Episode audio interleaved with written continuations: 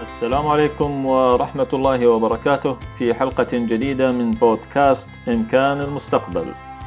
كنا قد تطرقنا في الحلقة الماضية إلى بعض المصطلحات والمفاهيم المهمة في علم استشراف المستقبل أو المستقبليات.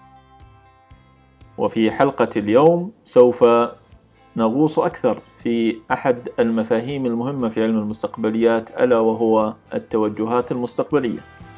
فما هي التوجهات المستقبلية؟ كيف يمكننا تحديدها؟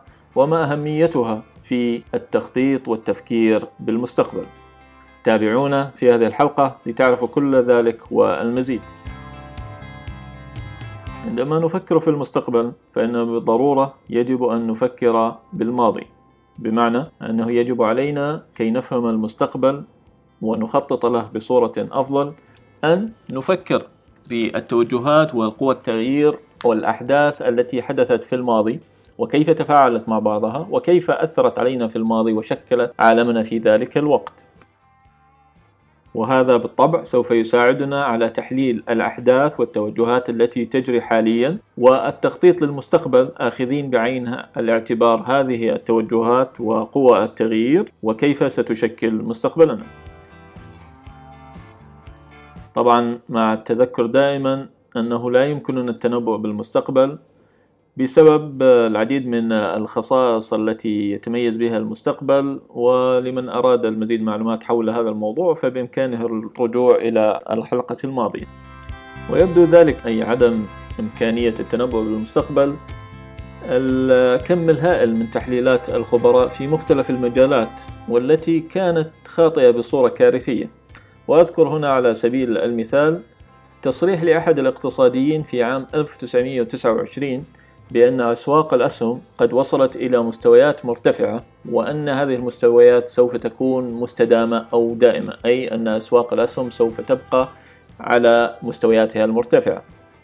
وهذا التصريح الذي جاء في عام 1929 جاء مباشرة قبل انهيار سوق الأسهم الأمريكي وول ستريت في عام 1929 وبدء كساد اقتصادي عالمي. أصبح يعرف اليوم بالكساد العظيم أو ال Great Depression هذه الأحداث الماضية مثل الكساد الكبير وما ارتبط به من تغيرات اجتماعية واقتصادية وحتى سياسية أثر على العالم في ذلك الوقت. فعلى سبيل المثال يربط الكثير من المحللين والخبراء الكساد الكبير بقيام حركات شعبوية في العالم.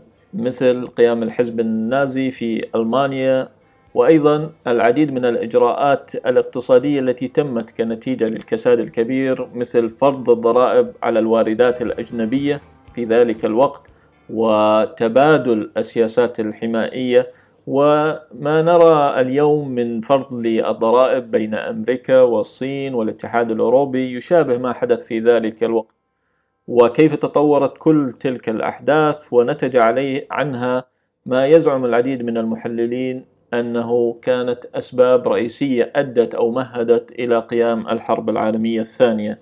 إذا ما يمكننا فعله كي نخطط للمستقبل وأشدد هنا على كلمة نخطط فنحن لا نتنبأ بالمستقبل فلا أحد يمكنه ذلك. ما يمكننا فعله إذن أولا التعلم من الماضي. وأن ننظر إلى الأحداث والتطورات التي قد حدثت في الماضي وكيف تفاعلت فيما بينها وكيف أثرت على العالم في مناطقه المختلفة. ثانيا أن نقوم بمسح للبيئة الخارجية للتعرف على التوجهات والتغيرات وقوى التغيير التي تحدث أو تتطور حاليا أي أن نكون على معرفة بما يجري حولنا وما يمكن أن يؤثر علينا. ثالثا والخطوة الرئيسية هي القيام بتحليل هذه التطورات والتوجهات المستقبلية وابتكار أو تطوير رؤى مستقبلية أي صور عن المستقبل أو ما يسمى بالسيناريوهات التي تعطينا صورة عما يمكن أن يكون المستقبل عليه في مثل هذه المعطيات. وبناء على هذه السيناريوهات تبدأ عملية التخطيط والتطبيق السياسات التي تمكننا من الاستعداد لهذه السيناريوهات. أما الآن وبعد هذه المقدمة فسوف أستعرض مع حضراتكم عددا من التوجهات المستقبلية Future Trends والتي أعتقد أنها ستؤثر على العالم في المستقبل. مع العلم أن هذه هي أبرز التوجهات من وجهة نظري الشخصية فيمكن أن تكون هنالك توجهات أخرى آه، قد يراها الآخرون أكثر تأثيرا وأكثر أهمية ولكن كما قلت هذه من وجهة نظري الشخصية وهي أيضا ليست قائمة حصرية أي بمعنى أنه قد يكون هناك العديد من التوجهات الأخرى التي ستؤثر علينا في المستقبل. أما أول هذه التوجهات فهي التغيرات السكانية.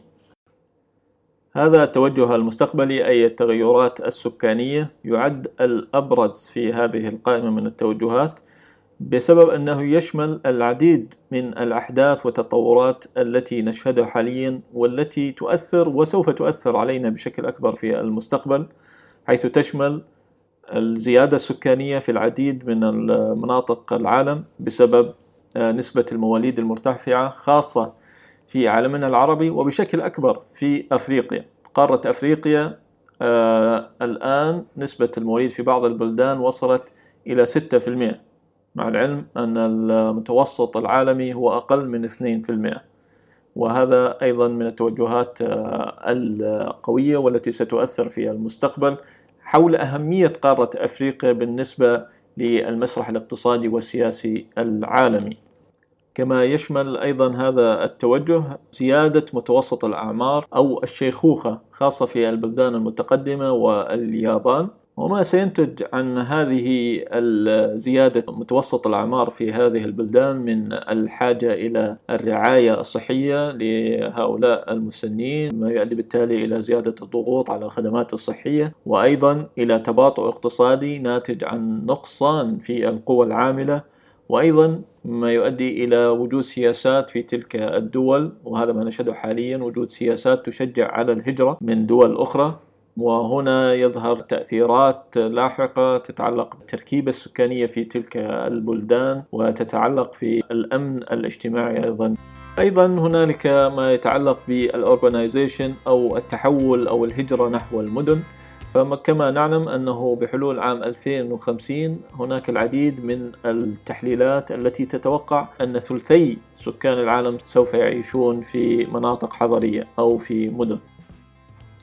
وبالطبع إذا كان ثلثي العالم يعيشون في مدن فلك أن تتخيل مقدار الضغط على البنى التحتية وعلى الخدمات الصحية والتعليمية التي يجب على الحكومات أن توفرها لهذه الأعداد الهائلة من البشر. وهناك أيضا سوف يكون ضغط على إيجاد وسائل أخرى لتوفير الطعام والشراب لهذه الأعداد. ما يؤدي إلى زيادة جاذبية تقنيات الزراعة العمودية أو الزراعة في الكونتينرات. وما إلى ذلك من الطرق الحديثة في توفير كميات الغذاء المناسبة للمدن مع الأخذ بعين الاعتبار قلة المساحات القابلة للزراعة. ولكن قد يعد أهم التغيرات المرافقة لموضوع الهجرة إلى المدن هو التغيير في الأنماط السلوكية للأفراد والمجتمعات. فهذا يؤدي إلى زيادة في ما يسمى بالإنديفيدواليزم أو الفردية بحيث أن المستهلك أو الفرد سوف يطلب العديد من الخدمات مخصصة له فقط. وهذا ما يؤدي إلى آه، قلة جاذبية نماذج الأعمال المعتمدة على ال mass production أو ال mass market. وبالطبع كما أن هنالك تهديدات تحدث للبعض نتيجة لهذه التوجهات ولكن هناك فرص أيضا للبعض الآخر. فرواد الأعمال يمكنهم البدء بتطوير نماذج أعمال تلبي هذه الاحتياجات المتزايدة. إذا كان ذلك هو التوجه المستقبلي الأول والذي يشمل العديد من الأحداث والتطورات الضمنية. أما التوجه المستقبلي الثاني فهو ما يسمى بال power diffusion أو تفكك القوى الكبرى. بمعنى أنه ستبرز هنالك العديد من القوى السياسية العالمية الاقتصادية آه، في المستقبل وهذا ما نراه من تحول للقوى باتجاه الشرق باتجاه آسيا الصين والهند. طبعا التغيير في القوى ليس في القوى السياسية فقط ولكن أيضا في القوى آه، الاقتصادية. فكما نعلم أن الصين هي محرك الاقتصاد العالمي الجديد وهي مصنع العالم وأكبر نسبة نمو اقتصادي نشهدها في الصين. كما أن الصين تعد أكبر الأسواق الاستهلاكية من أكبر الأسواق الاستهلاكية في العالم والتي سوف تكون في المستقبل الأكبر حتما. هذا يؤدي بالتالي إلى وجود العديد من التغيرات الاجتماعية والاقتصادية المرافقة لذلك ولعل أبرزها أن الخدمات والمنتجات ونماذج الأعمال سوف تكون ملبية أكثر لاحتياجات هذه القوى الناشئة. وليس كما نراه حاليا حيث تسيطر الثقافة والمتطلبات الغربية على نماذج الأعمال في الأغلب. هذا التحول في القوى أو توزع القوى على المسرح العالمي هو ما نرى صداه حاليا أو إرهاصاته الأولية حاليا من حيث آه، ظهور تحالفات سياسية واتفاقيات تأخذ بعين الاعتبار هذا هذه المعطيات على المسرح العالمي. ولعل أبرزها اقتصاديا هو ظهور أو مشروع الصيني بما يسمى بطريق الحرير الجديد. طبعا لابد أن ننوه أن كل التوجهات التي ذكرناها أو التي سنذكرها في هذه الحلقة فهي آه، سوف تتفاعل مع بعضها بمعنى أن التوجه إذا كان هو يتعلق بالتطورات الاقتصادية أو السياسية أو الاجتماعية فلا بد له أن يؤثر ويتأثر بالتطورات في المجالات الأخرى.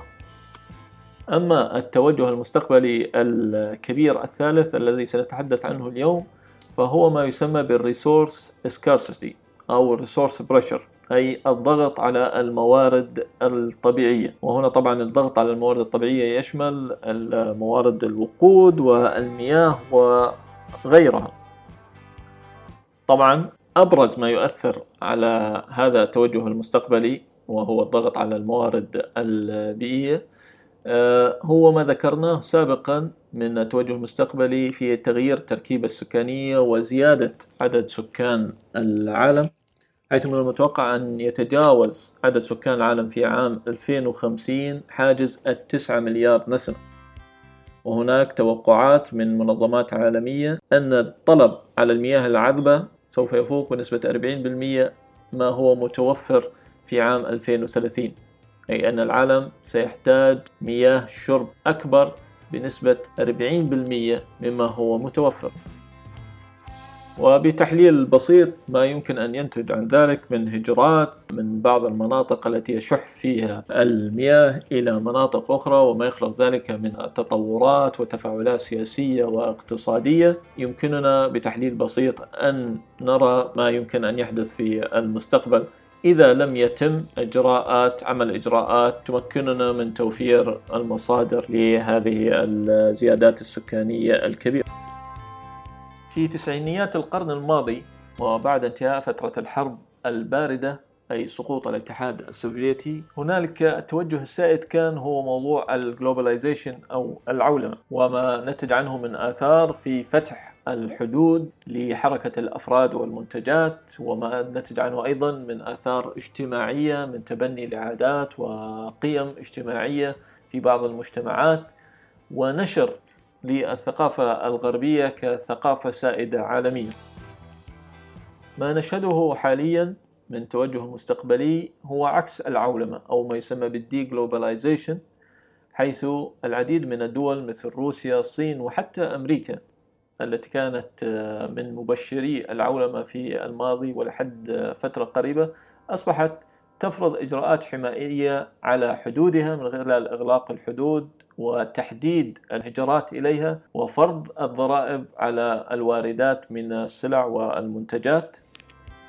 ولعل هذا ليس أبرز ما يميز هذا التوجه ولكن هناك أيضا آه، ما يميز هذا التوجه من ناحية اجتماعية وثقافية. من عدم قبول للآخر وتبني وجهات النظر الديموغاجية أو الشعبوية حيث نرى العديد من التيارات السياسية في الدول التي تدعو الآن إلى الإغلاق وإلى رفض الآخر. هذا من التوجهات المهمة والذي إذا تطور سيكون له تأثير كبير على عالمنا في المستقبل. أما التوجه المستقبلي التالي فهو معروف أظن أنه معروف لدى الجميع وهو ما يعرف بالتغير المناخي. التغير المناخي يتضمن العديد من التأثيرات السلبية التي إذا ما استمرت سوف تؤثر على العديد من الدول وأبرزها هي زيادة معدلات حرارة الكوكب وارتفاع مستوى سطح البحر خصوصا سيكون التأثير على المدن الساحلية. والمدن الساحلية كما كما نعلم في أغلبها تعتمد على السياحة. فكتأثير ارتفاع مستوى آه، مياه البحر سوف يؤثر على المداخيل لهذه المدن والدول سيؤثر على نسبة السكان سيؤثر على إيراداتها من قطاعات السياحة وما غيره وأيضا سوف يؤثر على بحيث أنه سوف يترك ضغط كبير على حكومات هذه المدن والدول لتوفير بنى تحتية بديلة لما سيتم غمره إذا ما ارتفعت مستويات مياه سطح البحر. لن أفيض كثيرا في التوجه أو التوجه المستقبلي المعني بالتغير المناخي فلكم أن تتخيلوا تبعات التغير المناخي على جميع مناحي الحياة وفي جميع مناطق العالم. إذا ما استمرت بالوضع الحالي. التوجه الأخير والذي أظن أيضا أنه معروف لدى الكثير منا هو التغيرات أو التطورات التكنولوجية الهائلة. كلنا سمعنا عن الذكاء الاصطناعي وما يرافقه من أتمتة للعمليات وللوظائف وما سيؤدي ذلك إلى تأثير كبير على الوظائف والمهارات المطلوبة في المستقبل. وما هي الوظائف التي ستتم أتمتتها؟ كما أن هناك الحديث أيضا عن الروبوتات والأخلاقيات المتعلقة في تطوير تقنيات الذكاء الاصطناعي والروبوتات والتقنيات الأخرى مثل ال blockchain وال quantum computer الحوسبة السحابية. ما يهمني هنا في موضوع التوجه المستقبلي المتعلق بالتطورات التقنية أو التكنولوجية هو ما سيرافقه من ظهور تغيرات اقتصادية وسياسية واجتماعية. فحسب المنتدى الاقتصادي العالمي آه، تم إطلاق آه، مصطلح الثورة الصناعية الرابعة قبل بضع سنوات آه، والذي يشمل هذه التغيرات التقنية والحيوية البيولوجية والمادية أو الفيزيائية. بحيث أن الحواجز بين هذه الثلاث دوائر أو هذه الثلاث مجالات سوف تبدأ بالتلاشي بمعنى أن الحاجز بين ما هو حقيقي أو مادي وما هو digital أو رقمي سوف تبدأ بالتلاشي بمعنى أنك يمكن أن تعيش جزء من حياتك على المنصات الرقمية وتكمله أيضا العالم المادي والعكس صحيح. وأيضا هنالك ما يتضمن من اندماج بين التقنيات الحيوية والتقنيات الرقمية وجسم الإنسان أو ما يسمى اليوم بترانز هيومانيزم أو الإنسان الجديد بحيث أن هناك العديد من الأجهزة والتقنيات التي يمكن وصلها بجسم الإنسان لتزيد من فعالية أداء بعض المهمات. ولعل أبرزها ما صدر حديثا آه، من قبل المستثمر العالمي إيلون ماسك صاحب شركة تسلا والذي قام بمبادرة تسمى نيورا لينك حيث طوروا تقنية يمكن من خلالها من زرع شب أو رقاقة في جمجمة الإنسان تمكنه من التغلب على بعض من المحددات الفيزيائية أو الجسدية الفسيولوجية حيث تساعد هذه التقنية في زيادة القدرات العقلية للإنسان وحتى التغلب على بعض من الإعاقات مثل فقدان البصر أو ضعف السمع. بعد هذا الاستعراض السريع لأبرز التوجهات المستقبلية الكبيرة فيجب علينا أن نعرف بعض خصائص هذه التوجهات حتى نعرف كيف نتعامل معها. أول ما يجب معرفته عن التوجهات المستقبلية بشكل عام أن درجة تأثيرها تختلف من مكان إلى آخر بمعنى ما ذكرناه عن ارتفاع مستويات البحر فسيكون تأثيره على المدن الساحلية ودول مثل سريلانكا وبنغلاديش أكبر من تأثيره على مدن ليس لديها أو على دول ليس لديها سواحل مثل نيبال أو الأردن أو غيرها من البلدان. أيضا أن هذه التوجهات التي ذكرناها ليست الوحيدة وهنالك العديد من التوجهات الأخرى ولكن يجب معرفة أن ليس كل التوجهات لها نفس التأثير وبالتالي الأهمية في جميع المناطق أو السياقات. لذا يجب علينا أن نقوم بتحديد تلك التوجهات الهامة لنا على مستوى الأفراد أو المؤسسات أو الدول أو على مستوى القطاعات فالتوجهات أو قوى التغيير التي توجه على قطاع السياحة والطيران تختلف عن تلك التي تؤثر على قطاع الطاقة والنقل. أيضا إن التوجهات تختلف من حيث آه، درجة التنبؤ بتطورها بمعنى أن هناك بعض التوجهات يمكننا التنبؤ بكيفية تطورها بشكل أكبر من توجهات أخرى. على سبيل المثال أنه يمكننا التنبؤ بالزيادة السكانية بصورة أكبر من قدرتنا على التنبؤ بالتوجهات المتعلقة بالثقافة أو بالتطورات السياسية. أيضا مما يجب علينا أن نعرفه حول التوجهات المستقبلية أن أيضا سرعة تغير هذه التوجهات تختلف فيما بينها. فعلى سبيل المثال أن زيادة درجة حرارة الكوكب بطيئة أي أن سرعة تغيرها بطيئة. فخلال المئة عام السابقة زادت درجة حرارة الكوكب بأقل من درجة مئوية واحدة. لكن معدل زيادة التجارة الدولية في مجال الخدمات قد تضاعفت أربع مرات في العقدين السابقين. إذا فسرعة التغير في كل من التوجهات تختلف من توجه إلى آخر. وأخيرا وليس آخرا أعيد وأكرر أنه يجب علينا الاهتمام بدرجة تأثير هذه التوجهات علينا وإعطاء الأولوية في الدراسات المستقبلية للتوجهات ذات التأثير المرتفع طبعا حسب السياق الذي نعمل فيه. وفي الختام أشكركم جميعا على حسن الاستماع وأرجو إذا أعجبكم البرنامج أن تشتركوا آه، وتتابعوا حلقاتنا القادمة حيث سنستضيف العديد من الضيوف المميزين والخبراء في المجالات المختلفة وخصوصا في مجالات علوم المستقبليات واستشراف المستقبل.